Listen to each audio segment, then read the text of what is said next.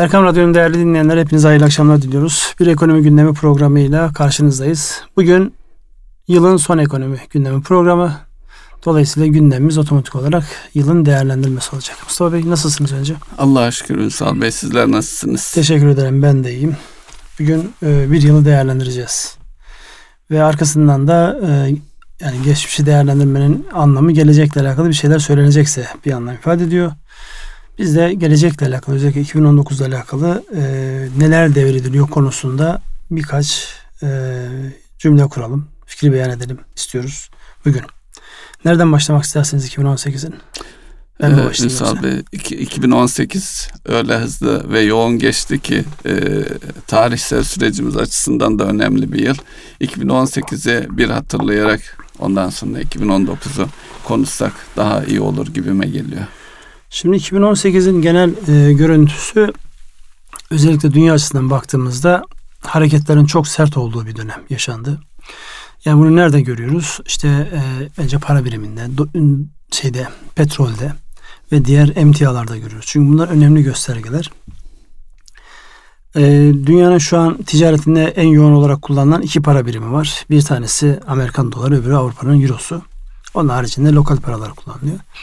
Amerikan dolarıyla Euro'nun ilişkisine baktığımızda yıl içerisinde 1.25'ten yani Euro'nun dolar karşısındaki görüntüsü 1.25'ten 1.12'lere 1.13'lere kadar geldi. İşte son dönemde de 1.13-14 bandına oturdu görünüyor. Şimdi bu e, iki büyük ekonomik gücün karşılıklı duruşuna baktığımızda çok anlam ifade ediyor. Aşağıdan yukarıya baktığınızda yüzde onun üzerinde bir oynama var. Yukarıdan aşağı baktığınızda biraz daha az olabilir. Dolayısıyla e, yani bir kere büyük e, ekonomileri ifade eden para birimleri açısından baktığımızda e, bunların nasıl şey yaptığını, karşılık bulduğunu görmek noktasında önemli bir ipucu. Ekonomiler kendilerini dengede tutabilmek için yoğun bir şekilde gayret sarf ediyorlar.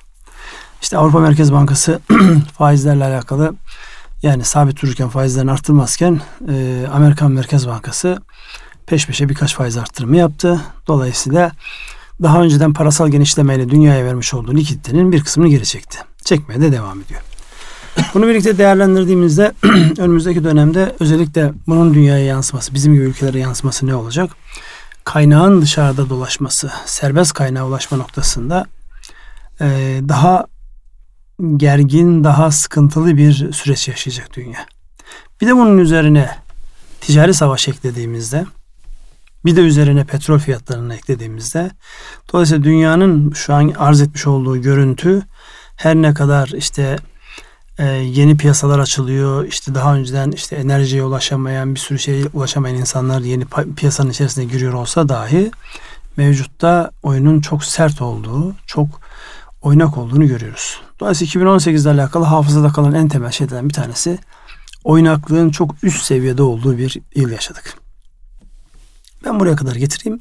Siz de bir köşesinden kendi halinize söyleyin. Sonra böyle karşılıklı gidelim inşallah. Ee, Ünsal Bey bu oynaklık dediniz. O halen devam ediyor ve e, 2019'da da devam edecek gözüküyor. Çünkü e, tüm dünyada e, beklenti e, ekonomilerin soğuyacağı ve daralmaya yani bir durgunluğa doğru e, gidiş var. Bunun için e, hazırlıklar yapıyorlar. Bunu geciktirmeye çalışıyorlar. Bunlara yönelik tedbirler almaya çalışıyorlar. Tabi burada da biz de dünyaya entegre olmuş durumdayız. 20 büyük ekonomi içerisindeyiz. Bizim e, en büyük pazarlarımızdan bir tanesi e, Avrupa. En fazla ihracatımızı, ithalatımızı onlarla yapıyoruz. Dolayısıyla orada da e, bir durgunluğa doğru gidildiğinde bizi e, etkileyecek. E, tabii bunun yanı sıra bize daha da önemli e, etkileyecek hususlardan bir tanesi de kaynak ihtiyacımızı e, biz e, dışarıdan sağlıyorduk. E, zaten 2018'in e, son e, iki çeyreğinde e, özellikle son çeyreğinde dış kaynak bulmada sıkıntılar yaşadık. Bir kısmını daha önce aldığımız e, sendikasyon e, kredilerini geri ödedik. Maliyetlerimiz daha da yükseldi. Tabii bu Amerikan e, Fed, Merkez Bankası'nın faiz kararlarıyla birlikte yani daha önce bol bir şekilde tüm dünyaya dağıttıkları kaynakları geri çağırmaya başladıklarında bunu da faiz oranını artırarak yapıyorlar. Dolayısıyla bizim gibi ülkelerin kaynağa ulaşmakta daha da sıkıntı çektiği bir süreç oluyor e, ekonomimizin kaynağa ihtiyacı var. Her halükarda kaynak bolluğu devam ediyor. E, dolayısıyla 2019'da da en büyük e, üzerinde çalışılacak şeylerden bir tanesi de kaynağa ulaşma e, ihtiyacı diye söyleyebiliriz. E, peki e, bir de şu anki yani ekonomimizin hatırlamak açısından e, neler yaşadık değerlendirecek misiniz? Şimdi her şeyden önce bir kere yaşadığımız en temel şey yani e, erkene çekilmiş bir seçim yaşadık. Bir siyasi bir de ekonomik evet. bağlamda bakılabilir. Yani e, siyasi ve ekonomik anlamda bakılabilir. Yani 2018'e başlarken hepimizin bütçelerinde öngördüğümüz e, belli parametreler vardı. Bu parametreler üzerinden ticaretin nasıl yürüyeceği, işte işlerin nasıl yürüyeceği, finansmanı nasıl sağlayacağız ve finansmanın bize olan maliyetinin ne olacağına dair hepimizin öngörüleri vardı. Fakat e, özellikle yani Türkiye açısından söylüyorum bir taraftan dünyadan az önce söylemiş olduğunuz şeyler yani e, bize yansımaları sene başından itibaren olmaya başlamıştı. Ama bu tedirici yavaş giden bir mekanizmaydı.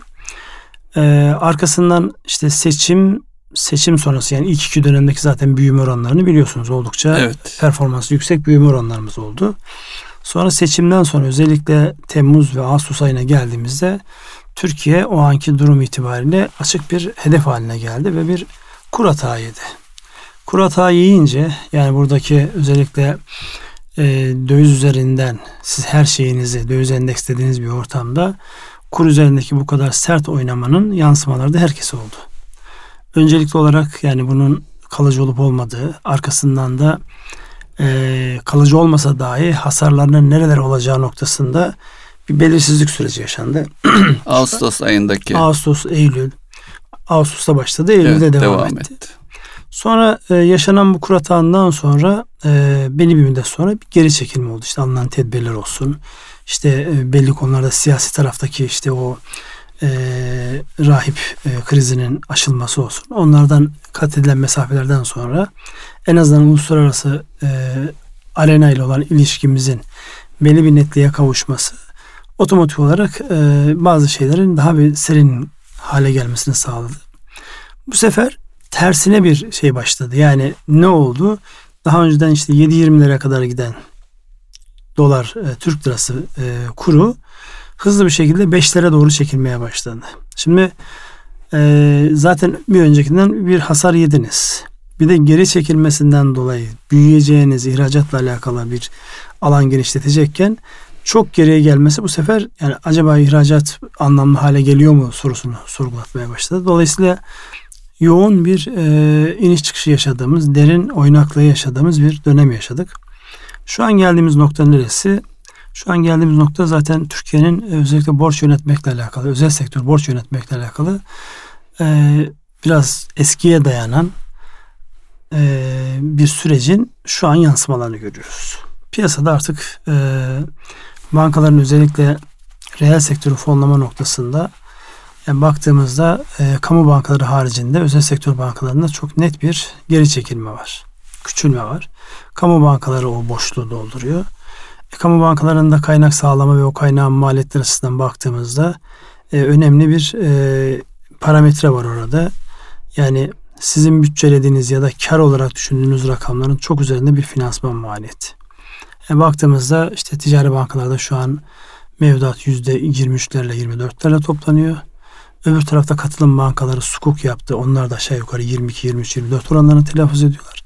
Dolayısıyla kaynak maliyetinin 23-24 olduğu bir yerde ticaretin ne getirmesi gerekiyor ki siz hayatınızı idame ettirirsiniz. Şu an reel sektörün, e, özel sektörün en büyük açmazı bence burada.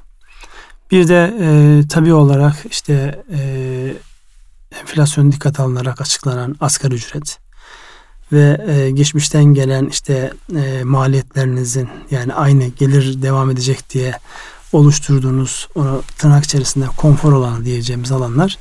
Bunlar dolayısıyla işletmelerin e, adapte olma sürecini maalesef geciktiriyor. İşte bu dönemde piyasanın e, birbirine karşı olabildiğince makul, olabildiğince serin kanlı yaklaşması gerekir. Fakat e, bunu çok net görüyor muyuz? Yani hayır görmüyoruz. Biraz e, piyasa bu anlamda birbirine karşı maalesef sert oynuyor. Buradaki en büyük e, sıkıntı sanıyorum piyasadaki e, şirketlerin e, birbirlerine olan yani piyasa güveni diyebileceğimiz şeyin ciddi biçimde örselenmiş olması. Yani daha önce birbirlerine e, uzun vadeyle e, mal alıp verirken e, 9 aylar, 1 yıllar bunlar hızlı bir şekilde vadeler kısaldı. Bir de daha önce açık hesap çalışan firmalar tamamen açık hesapları kapattılar. Her şey çek ve senet üzerine dönmeye başladı ve onda da çek senet de istendiği gibi dönmüyor. Çünkü e, şirketlerin hızlı e, küçülmesi kolay değil. Daha önceki sanayi üretim endeksinde de bunu görmüştük. Geri çekilmeler var. Sektörler bazında farklılık olmasına rağmen bu yeni e, gerçeklik karşısında e, aşmada sıkıntılar var. Dolayısıyla tekrar belki 2019'u konuşacağımızda daha detaylı e, konuşuruz.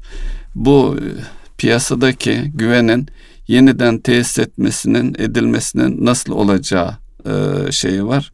Tabi bir de bu yaşadığımız e, süreçte e, genelde firmaların dövizdeki artıştan özellikle döviz borcu olanların borç yükü arttı. Her ne kadar dövizin geri gelmesiyle biraz rahatlamış olsalar da yine aynı şekilde finans maliyetinin ciddi bir artışı var.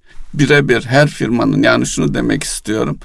E, her firmanın kendi gerçekliği çerçevesinde bakılması, üzerinde çalışılması gereken bir şey. Bankalarla ilişkileri, diğer firmalarla, tedarikçileriyle, müşterileriyle ilişkilerinin yeniden e, ele alınması gerekiyor. Bu da e, en büyük zorluğu, sağ, e, zorluk da burada. Dolayısıyla zaman alıyor, alan bir husus diye düşünebiliriz. Evet, yani orada bir zorluk var. Ee, yani bir, kere şu bir gerçek. Yani e, güven müessesesi kolay oluşmuyor. Güvenin kolay oluşmadığı yerde onu sarsacak hareketler nereden gelirse gelsin. İster, ister uluslararası e, oyunculardan gelsin, ister yerli oyunculardan gelsin hiç fark etmiyor. Yani ekonomi içerisinde faaliyet gösteren bütün bireylerin bu anlamda o güveni tesis edecek hareketlerde bulunması lazım. Halbuki baktığımızda şu an yani dünya geneline baktığımızda geçen gün e, bu ekonomi kanallarından bir tanesinin internet sitesinde görmüştüm. 2018'de yaşanan ticari savaşlarını şey olarak e, belirtmişler. Köpeğin havlamasına benzetmişler. 2018'de bu köpeğin havlamasıydı. 2019'da köpek ısıracak diye böyle enteresan bir benzetme yapmışlar. Hani bu son dönemde bizim de çok üzerinde metaforik düşünme, benzeterek düşünmede gerçekten baktığınızda çok enteresan bir nokta. Şimdi bunun içeriye yansımasına baktığımızda biz 2018'inde evet o güvenle alakalı şeyleri gördük. Gitgelleri gördük. 2019'da biz bunu hızlı teda- tedavi edemezsek, hızlı telafi edemezsek yani kırılan kemiklerin, dağılan işlerin onun şey. Onun için bizim acilen hep bu programda da özellikle sanki bir misyon edinmişçesine aman güven, aman güven, güven müessesesini e, ayak altına almayalım. Orası çok önemli diye hep e, çizdik altını. Onun yansımasını burada da net olarak görüyoruz. Şimdi bu dönem niye önemli? Sene sonu artık defterlerin kapatıldığı bir dönem.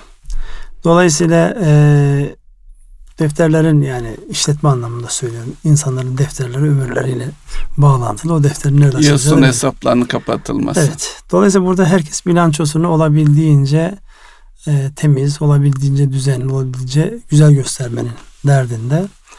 Yani gönül ister ki herkes amacına bir şekilde ulaşsın. Ama reel sektörün özellikle şu an yaşamış olduğu bu borç yönetmekle alakalı süreç e, biraz zaman alacağı benzer. Bunun e, telafisi telafisi ve tedavisi nasıl olur? Özellikle e, eldeki değerlerin karşılık bulduğu yerde. Böyle zamanlar genellikle ortaklık yapılarının değiştiği zamanlar olur. Servetlerin yer değiştirdiği zamanlar olur. Yani servet yok olmaz, yer değişir. Dolayısıyla servetin nerede yer değiştiği konusunu da bir görmek açısından e, bu dönem enteresan bir dönem olacak gibi geliyor. Yani kötü müdür? Belli dönemlerde eğer tıkanmışsanız onu yeniden ivmelendirecek hareketlere ihtiyaç var. Şu an e, acil olarak bizim özellikle ihracat tarafında ve dışarıdan içerideki değerlerin bedelini ödeyerek ister satın alma ister makul fiyatlardan ama çok arzulamadığımız borç verme konusu devam etsin. O süreci yaşayacağız görünüyor. Önümüzdeki 2019 yılının ilk gündem maddeleri. Bunun haricinde şeye baktığımızda özellikle Türkiye'deki gelişmekte olan sektörler. Şimdi şöyle sektörler açısından da şöyle bir e, başlık var. E, genellikle bizim e, iş adamı tipimiz tek bir sektörde faaliyet göstermiyor. Aynı anda birkaç sektörde faaliyet gösteriyor. Dolayısıyla bütün işlerin e, uçları birbirine bağlı.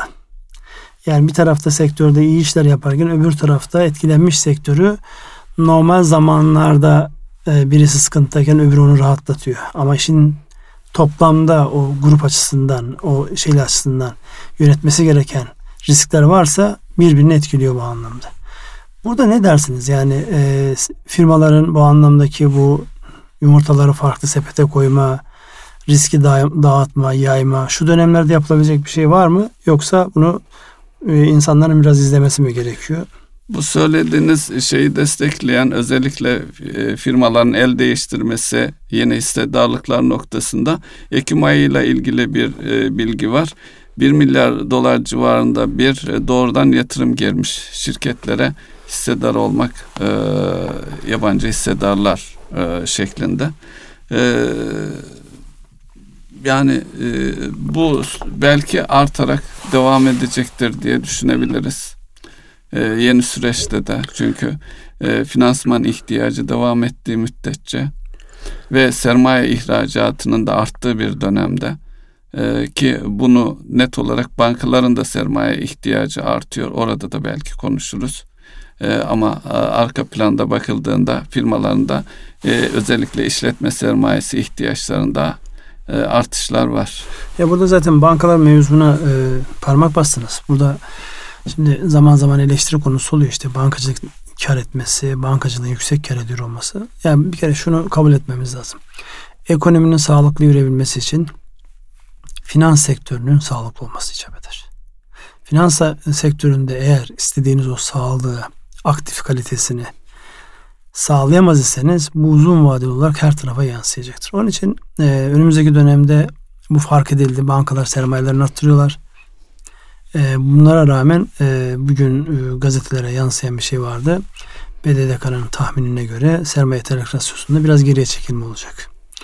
Niye? Artık banka bilançolarındaki hem büyümelerin getirmiş olduğu, kurdan kaynaklanan büyümenin getirmiş olduğu hem de e, daha önceki faaliyetlerin yansıması. Yani sadece eski krediler aynı şekilde devam etse yıllık artış oranı finansman yükü kadar arttırdığınızda %30 diyelim arttığında otomatik olarak sizin sermaye ihtiyacınız o kadar artacaktır. O oranda artacaktır. Onun için yani hiçbir şey yapılmasa dahi bir büyüme olmasa dahi e, sadece finansman yükünü üzerine eklediğinizde e, bankacılık sektörünün ihtiyaç duyduğu sermaye. Bu ihtiyaç özel sektörde de var. Bizim burada aslında belki konuşmamız gereken en temel şeylerden bir tanesi sermayenin tedariki ile alakalı araçlarımız, edevatlarımızda biraz sıkıntılarımız var. Yani ortak iş yapma kültürü zaten çok eski böyle kapitalist bir sistemden gelmiyoruz. Ailelerin işte ticaretlerinden, işte sanayiciliklerinden küçük küçük oluşturdukları servetleri var. Bu servetlerle gidip yani sermaye ihtiyacı duyan yerlere ortak olma konusunda o çok gelişmedi bizde. Ancak aynı sektördeki insanların işte birleşmeleri, sermaye piyasası kurulunun yani piyasasının derinleşmesi noktasında rahmetli Özal'dan beri başlayan bir süreç var. Orası da e, henüz yani bu anlamda yükü alıp götürecek bir e, büyüklükte değil, derinlikte değil en azından. Fakat şunu da bilelim yabancıların en fazla yatırım yaptığı yerde yine sermaye piyasası üzerinden. Şey. Dolayısıyla kurumsal piyasa oluşturmanın Böyle bir güzelliği var. Böyle bir avantajı var. Yani siz birebir de kendinizi anlatmakta zorlanırken e, düzenli bir piyasaya ürününüzü sunduğunuzda alıcı gelip o ürünü alabiliyor. Önemli olan o ürünlerin e, sağlıklı bir şekilde firmaya da katkı sağlayacak devamlılığının olması. İşte önümüzdeki dönemde bunların hepsini birlikte e, göreceğiz. Yani derinleşmelere olan ihtiyaç. Çünkü bu konuda yoğun çalışmalarında olduğunu biliyoruz. Evet başka başlık olarak? Bu başlık olarak bu BDDK raporunu biraz açalım mı? Çünkü olumlu karşılandı o piyasalarda. Evet. Şöyle ki e, BDDK iki yılda iki stres testi yapıyor. Bu ikincisiydi. E, burada yapılan stres testinde sermaye e, yeterlik rasyosunu rahatlatan tedbirler alınmıştı. Onlar da dikkate alınmaksızın. İstersen stres testinin ne anlamda ve ne amaçla yapıldığından da bahsedin de yani nedir bu stres testi? Ee, bankaların bilançolarının ne kadar sağlıklı olup olmadığını gösteren alacakların kalitesi, geri dönüşü yani tüm bankayı bir nevi e, e, check-up desek o da olacak şey senaryoların uygulanması muhtemel, halinde, evet. muhtemel senaryoların uygulanması halinde banka bilançoları nasıl etkileneceğini gösteren özetle söyleyeceğimiz bir çalışma. Bir çalışma. Burada e, en önemli şey siz de zikrettiniz. E, sermaye yeterlik rasyosu 15.5'a gerileyeceği öngörülüyor önümüzdeki süreç içerisinde. Bir de e, takipteki e, kredilerle ilgili yüzde altıya çıkacağı e, öngörülüyor. Şu anda 3.7 seviyelerinde. Tabi bu e, sonuçlar e, bankacılık sektörünün önümüzdeki dönemde de sağlıklı olduğunu ve sağlıklı kalacağını gösteren bir e, çalışma e, ve piyasada da e, bu e, hem makul ve olumlu olarak karşılandı. Bu da e, ekonomiyi rahat ekonominin rahatlaması anlamında olumlu bir değerlendirmeydi. Peki e, buna ilave olarak asgari ücret ve şirketlere etkisi üzerinde konuşmak ister misiniz? Ya o konuda iş dünyasında konuştuğumuzda insanlar bu konuyu çok fazla konuşmak istemiyorlar. Gerçekten Çünkü oy birliğiyle alındı karar. Oy Yanı sıra alındı. devletin bir takım destekleyici şeyleri de var asgari ücrete endeksli olarak. Orada e, dediğim gibi yani şu an işletmeler zaten Ağustos'tan beri yaşananları anlama noktasında baya bir e, gayret sarf ediyorlar.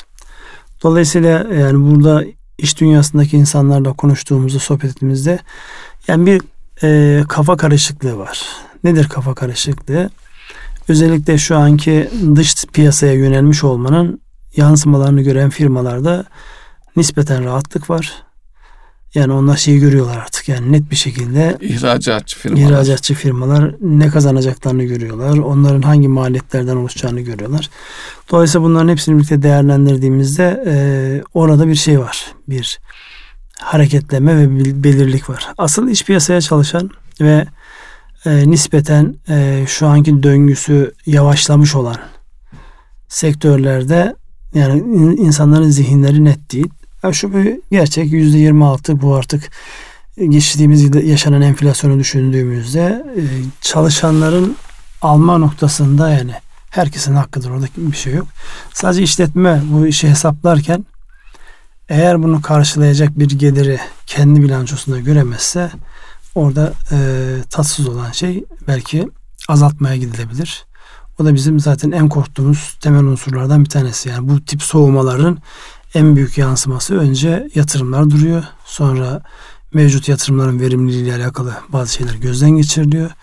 Arkasından da işte görülen duruma göre e, en kolay yol olan daha doğrusu en hızlıca yansıması olan işte işçi çıkarımı çalışanlardan tasarruf yoluna gidilmesi. Onu çok arzulamıyor kimse çünkü en zor olan şey yetişmiş insanı edinmek, tutmak ve onunla belli bir yolu yürümek. Baktığımızda eskiden bizim böyle hani e, kitaplara da yansıyor işte 100 yıllık firmamız yok, 50 yıllık firmamız yok deniyordu ama çok şükür geçen zaman içerisinde yani 100 e, yıllık 50 yıllık olmasa bile 30 yıllık 40 yıllık firmalarımız oluştu. Dolayısıyla orada bir bilgi birikimi var. Bu bilgi birikimlerinin daralan piyasalardaki daralan kar marjlarına kurban edilerek e, yetişmiş insanlar kaybetmiyor olması asıl temel unsurdur. Yani benim şu anki yani sadece asgari ücretle alakalı hadise değil. Çünkü olay sadece asgari ücretle değil. Yani oraya %26 yaptığınızda Geri kalanını da bir şekilde iyileştirmeniz gerekiyor. Çünkü bu enflasyon denen hadise sadece ülkede yaşayan belli gelir grubundaki insanlar etkilemiyor. Herkes etkiliyor. Dolayısıyla şu an e, işletme sahiplerinin ciddi düşündüğü unsurlardan bir tanesi bu. Şunu diyorlar ben de birkaç işletme sahibiyle e, konuştum. E, asgari ücretteki artışı değerlendirmeleri yönünde üst e, gelirdeki yüksek ücretli çalışanlara ya hiç zam yapmayacaklarını ya da sembolik zam yapacaklarını ifade ediyorlar. Tabi e, o da e, eleman kaybına özellikle değerli yetişmiş yöneticilerin kaybına neden olur diye düşünüyorum. Yani e, evet şu dönemlerde özellikle tam dediğiniz noktada var da zaten şu an uygulaması da var. Beyaz yakalılarda bir böyle yurt dışına doğru bir kayma işaretlerini görüyoruz. Yani bunu hem profesyonel hayatta tanıştığımız insanlarla ya da onlardan sonra gelen yeni jenerasyonda çok rahatlıkla böyle e, yurt dışında çalışma, oradaki imkanlardan yararlanma. E, bu e, maalesef profesyonel hayatta bizim en fazla yararlanacağımız e, beyin gücünün beyin göçü. Beyin gücünün beyin göçüne dönüşmemesi ya da dönüşmüşse onun durdurulması noktasında da konuşulması gereken bir başlık olarak karşımıza duruyor. Burada e, petrol fiyatlarıyla alakalı ben bir e, şey var. Çünkü yine e, bizim yani değerlendirmelerini zaman zaman burada gündeme getirdiğimiz Fatih Birol'un e, petrolle, enerjiyle alakalı değerlendirmeleri var. Özellikle orada e, bir, bir başlık var. Biraz da yine bir metaforla. Yani Türkiye evet ciddi arayış içerisinde yer altındaki kaynaklarına şu an yönelmiş durumda. Onları aramalı. Özellikle kömüre bağlı ya da kaya gazı diyebileceğimiz e, başlığı değerlendirdiğinde önümüzdeki dönemde dünyanın petrol ya da işte bu fosil yakıt dediğimiz şeylerdeki kompozisyonu değişecek.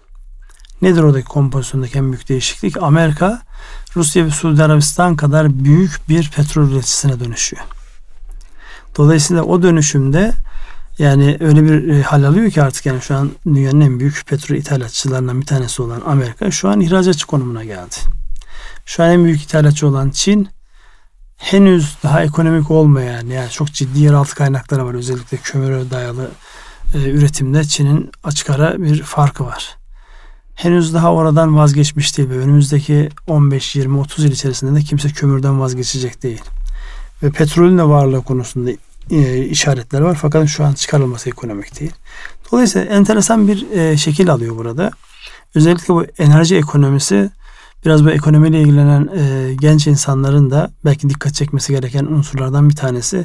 Çünkü dünya şu an yani son 100-150 yıldır enerji politikaları, enerji ekonomileri dünyanın şeklini şemasını belli. Bundan sonraki teknoloji artı enerji diyelim. Tek başına teknoloji değil, tek başına enerji değil ama her ikisi birlikte değerlendirdiğimizde dünyanın geleceği biraz oradan şekillenecek. O şeyde e, dün sizinle istişare ederken e, bu enerji ekonomisi şey vardı. Kaldı ki bugün de bu haberlere yansıyacak. Sizin dikkatinizi çeken bir şey var mı burada? E, burada dikkat çeken Çin'den bahsettiniz. E, nükleer e, inşa halindeki nükleer enerji santral, santrallerinin büyük çoğunluğu yüzde 60'ı Çin'de inşa ediliyormuş. Bu da enteresan bir bilgi. Yani hızlıca farklı kaynaklara dönüş var. Özellikle de bu rüzgar ve güneş enerjileriyle ilgili Çin e, teknoloji geliştirme konusunda ön planda ve e, bu teknolojiler de gittikçe ucuzluyor ve alternatif enerji kaynaklarına yönelim devam ediyor. Şu an bildiğim kadarıyla dünyanın en büyük rüzgar çiftlikleri, güneş e, paneli çiftlikleri artık Çin'de. Evet. Yani çünkü ihtiyaç da var. Öbür taraftan şeyde karşılıyor. Buradaki en önemli dikkat çeken unsurlardan bir tanesi özellikle dünyada enerjiye ulaşmamış insan topluluğu miktarı Hindistan'ın yapmış olduğu mesafeyle önemli ölçüde azalmış durumda. Çünkü daha önceden Hindistan'da insanların elektriğe ulaşamayacağı, elektriği kullanamadığı gibi bir şey çıkıyor. Şu an dünyada bu anlamda baktığımızda Afrika'da e, şey var. Orada dikkat çeken unsurlardan bir tanesi özellikle evlerde kullanılan klimaların yani batıda Amerika'da e, her 10 evden 9'unda klimanın olduğu bunun doğuya gittikçe Çin'de, Hindistan'da 3-4 eve kadar düştüğünü, Afrika'da henüz birde dahi olmadığını baktığımızda Yani e, orada e, dikkat çeken başlıklardan bir tanesiydi. Klima sektörü şeye devam edecek. Aynı ivmelenmesine devam edecek. Mesela bu anlamda Türkiye'de de marka bazlı şeylerimiz olmasa da ama e, ısıtma soğutma sistemleri noktasında Türkiye önemli bir e, ülke. Özellikle e, yani bu işin sanayisinin üretilmesi noktasında önemli bir başlık. Önümüzdeki dönemde burada da bir e, açılım olacaktır ya da buradaki en azından gelişmeleri dikkatle izlemek gerektiği enerji ekonomi bağımlı başlığı altında bu başlıktan bahsedilebilir. E, en sonunda bu ekonomi güven endeksinden bahsedeceğiz ama oraya varmadan önce birkaç e, başlığa daha e, değinmek arzusundayım açıkçası. Özellikle e, dünyadaki bu petrol e, e, petrol fiyatlarının nereye gideceği noktasına baktığımızda e, çok belirgin bir şekilde şeyi görüyoruz biz.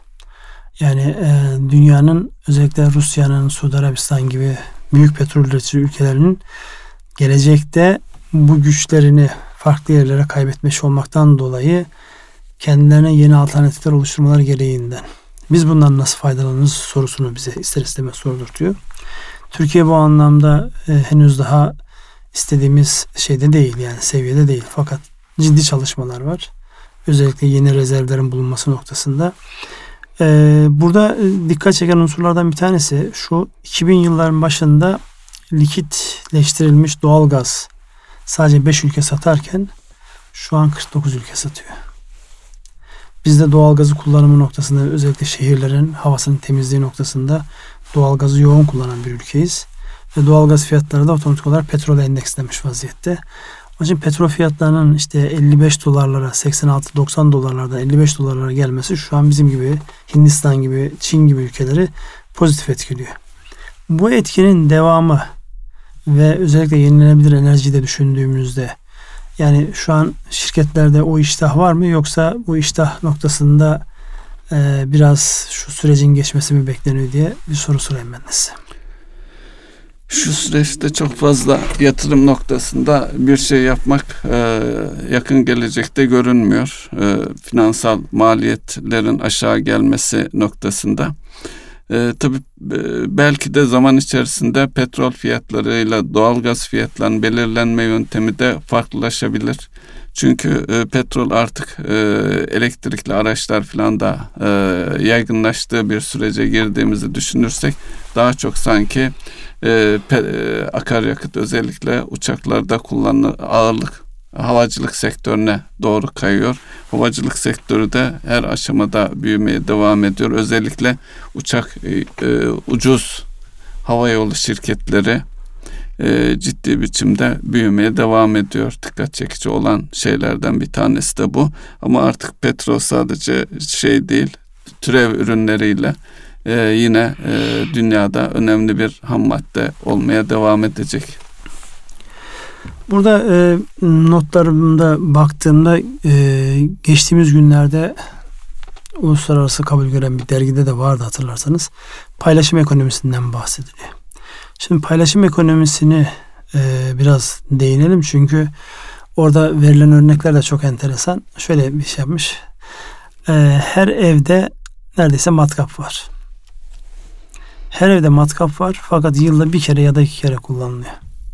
Şimdi önümüzdeki dönemde özellikle bu dijital platformların gelişmiş olması, insanların elindeki kaynakları daha efektif olarak kullanma noktasında ki bu anlamda baktığımızda işte şu e, taksiler alternatif olarak çıkarılan Uber ve benzeri evet. uygulamaların hepsi aslında paylaşım ekonomisinin yansıması. Yani sizin öyle bir e, aracınız, kaynağınız var ve sizi bir şekilde bir platform ortası, ortamında hizmet isteyenlerle bunu hizmeti verebilecek olanları bir araya getirerek bir ekonomi oluşturuluyor. Dolayısıyla önümüzdeki dönemde gelişecek olan temel alanlardan bir tanesi de bu görünüyor. Onu bir e, en azından bir başlık olarak, bir hatırlatma kalemi olarak ben notlarımı e, almışım. Bundan bahsetmek arzusundaydım. Siz biraz bahsetmek ister misiniz? Paylaşım ekonomisi neler getirir? Şu an henüz daha yolun başındayız. Ama çok hızlı mesafe kat edilebilir gibi görünen bir uygulama bu. Sizin sahip olduğunuz e, bazı değerleri ihtiyaç duyanlara satmaksızın belli bir ücret karşılığında kullandırtma Şöyle bir çalışma e, başladı e, son dönemde. E, araç kiralama şirketleri de bu şeyden olabildiğince fazla etkilendi. İçinde bulunduğumuz süreçten özellikle döviz üzerinden yapılan kiralamalar da etkilendi. Şimdi belli bölgelerde bu araçları bir nevi servis gibi paylaşım şeklinde planlayıp normal araçları kullandırma yönünde çalışmalar yapılıyor. Batı ülkelerinde daha yoğun ve sonuç alan bir şey. Ama bu ülkemizde uygulamaya başlayınca e, nasıl bir sonuç alınır bilemiyorum. Çünkü buradaki e, insanların e, davranışlarını davranışları burada belirleyici. Belki aynı şirkette çalışanlar e, belli bir e, araçta bir araya gelebilirler ama birbirlerini tanımayan insanların bir araya gelip e, ortak araç kullanması da kültürel bir dönüşümü gerektirir Sadece araçta değil aslında buradaki yani Türkiye'de de e, bununla alakalı e, portallar oluşturmaya başlandı. Dijital platformlar oluşturmaya başlandı. Burada aslında insanların bir yerde ücretli çalışması yerine proje bazlı olarak bir araya gelerek yani bir yerde maaşlı çalışmıyor proje bazlı olarak bir araya getirtilip onların bir projeyi, bir işi birlikte kotarmaları gerektiği noktasında bir çalışma var. Yani bununla alakalı e, dijital platformlar da oluşturmuş durumda. Dolayısıyla yani buradaki sadece alet edevatın kullanılması değil. İnsanların da zamanlarını bir yere bağımlı olmaksızın işte orada freelance dedikleri ya da işte serbest çalışma diyebileceğimiz şeyde yani e, bir şey var, proje var, bir operasyon var. Siz o projeyi bir araya gelerek işte mühendisi, teknikeri, o işi yapabilecek olan kaç kişiye ihtiyaç varsa bir araya gelerek yapıyorsunuz. İş bitiyor. Sonra siz tekrar yapmanız gereken başka şeyler varsa onları kovalıyorsunuz. Dolayısıyla burada bu paylaşım ekonomisi dediğimiz hadise aslında kaynakları çok farklı ve belki de daha efektif kullanma noktasında başka bir noktaya getiriyor. Çünkü artık herkes yani elindeki alet edevattan başladı bu hadise şeye kadar gitti. İnsanların boş zamanlarının değerlendirmesine kadar gitti. Yani şöyle düşünün. Siz beyaz yakalı olarak bir yerde çalışıyorsunuz. Ee, muhasebe finans tarafında diyelim. Çok uzmansınız. Sizin gibi birisini istihdam edemeyen bir işletmenin e, işte gidişatını görmek açısından hafta sonları bir organizasyon dahilinde gidiyorsunuz bir yerlerde onların işte muhasebe denetim sistemini kuruyorsunuz. Onlara destek oluyorsunuz. Hem normal işinizi yaparken başka bir şey de yapabiliyorsunuz. Ya da normal iş derken onu tamamen e, başkalarına devredip siz sadece bu işi yapar hale geliyorsunuz. Dolayısıyla burada yeni bir ekonomi fırsatlar var. Bunun var. uygulamalarını daha önce hatırlarsanız e, yapmıştık bir başka şeyde e, belli konularda uzmanlaşmış ancak işte emekli olmuş e, kişileri bulup o konuda yeni işe e, öyle bir işe girecek şirketteki elemanların eğitilmesi konusunda özellikle uç noktalarda yani çok kolay bulunamayan insanlar bir araya getirip e, eğitim verilmesini sağlamıştık. Buna benzer çalışmalar e, kendiliğinden oluyor ama bununla ilgili belki bir e, hukuki altyapı tarafları koruyacak bir şeyler gerekir mi bilemiyorum veya bir düzenleme yapılırsa tam tersine engelleyici de olabiliyor.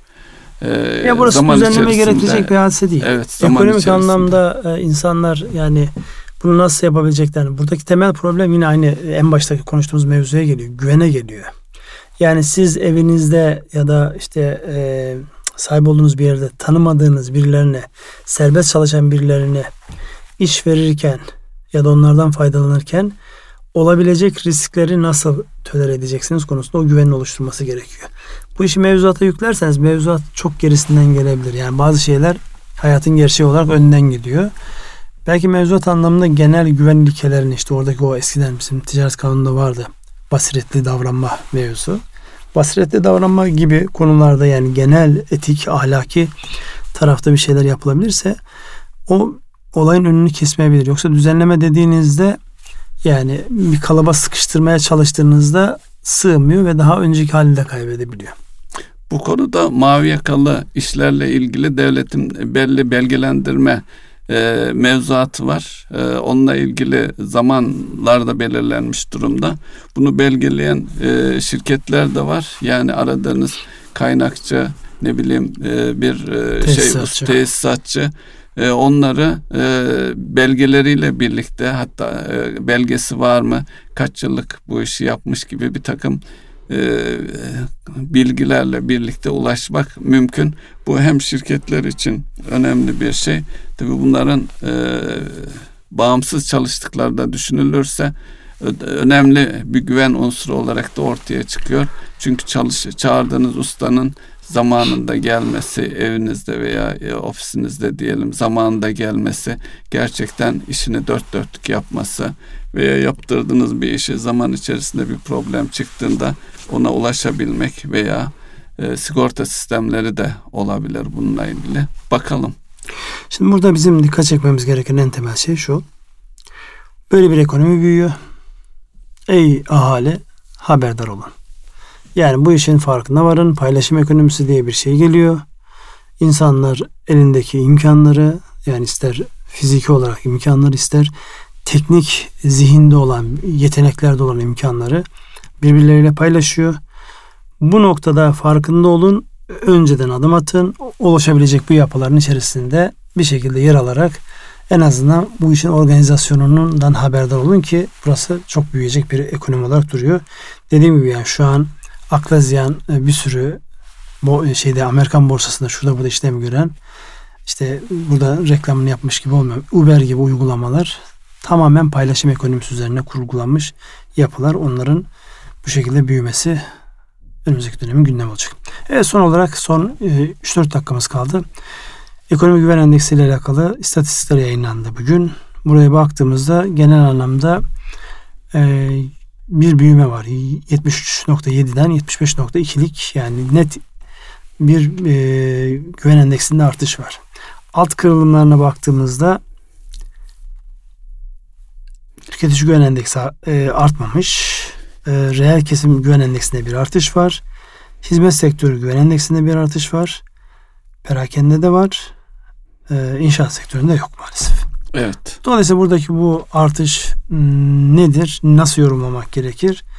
Yılın son günlerinde yayınlanmış bu güven endeksinin yukarı gitmiş olmasını siz nasıl yorumlarsınız? Geçen seneyle karşılaştığımızda tabii geçen sene bu rakam 95.3 imiş. Evet. Yıllık bazda baktığımızda. Yani bu da e, asıl mesajı net olarak veriyor bu gösterge olarak baktığımız zaman.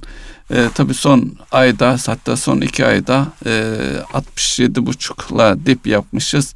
Geçen ay 70.7 şimdi de 75.2 yani grafiğin yukarıya doğru olduğunu görüyoruz. E, 2019'a e, ümitli bir şekilde gireceğiz inşallah. Burada tabii e, yani 2017 ile karşılaştırdığımızda yani net özellikle bu Ağustos ayında yaşamış olduğumuz daha doğrusu Temmuz'da başlayıp Ağustos'ta devam eden bir kırılma var orada. Yani 92'lerden 67'lere evet. gelmiş. 67'den tekrar 75'e çıkmış olması artık hani dip burası mı sorusunun cevabını herkes birbirine soruyor ya. İşte şu an e, 4 temel e, 5 temel başlıktan baktığımızda tüketici, reel sektör, hizmet, perakende ve inşaat. Buradan baktığımızda e, insanların artık hepsinde olmasa bile önemli bir kısmında artık yeter burası dibi biraz daha yukarılara doğru çıkalım dediğini görüyoruz. Adı üzerinde beklenti.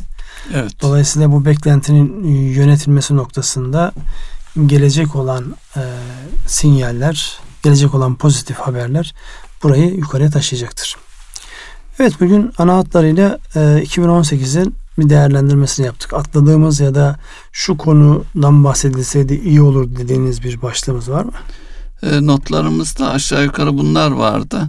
Tabii konuşulacak çok şey var. Geçmiş e, içinde bulunduğumuz yılın son günlerindeyiz. E, ama zaten bunlar yaşandı. Bugün e, bir özet yapmış olduk. E, geleceğe yönelik projeksiyonda e, belki önümüzdeki haftalarda e, 2019'da ilgili e, neler yapılıyor, neler yapılacak daha detaylı konuşabiliriz. Evet. O zaman programı bitirme vakti mi diyorsunuz? Evet. Erkam Radyo'nun değerli dinleyenleri bir ekonomi gündemi programında dilimizin döndüğünce 2018 yılını değerlendirmeye çalıştık. 2019 yılı ile alakalı dünyada ve Türkiye'de beklenen gelişmeler doğrultusunda e, temennimiz şu ki özellikle ülkemiz açısından bir an önce e, soğuyan yapının hızla iyileşmesi, karşılıklı birbirimize olan güvenin yeniden inşa edilmesi ve burada e, elde edeceğimiz kaynakları en efektif bir şekilde değerlendirerek iyi şeyler yapması yönünde olacaktır. Hepinize hayırlı akşamlar diliyoruz. Hayırlı akşamlar.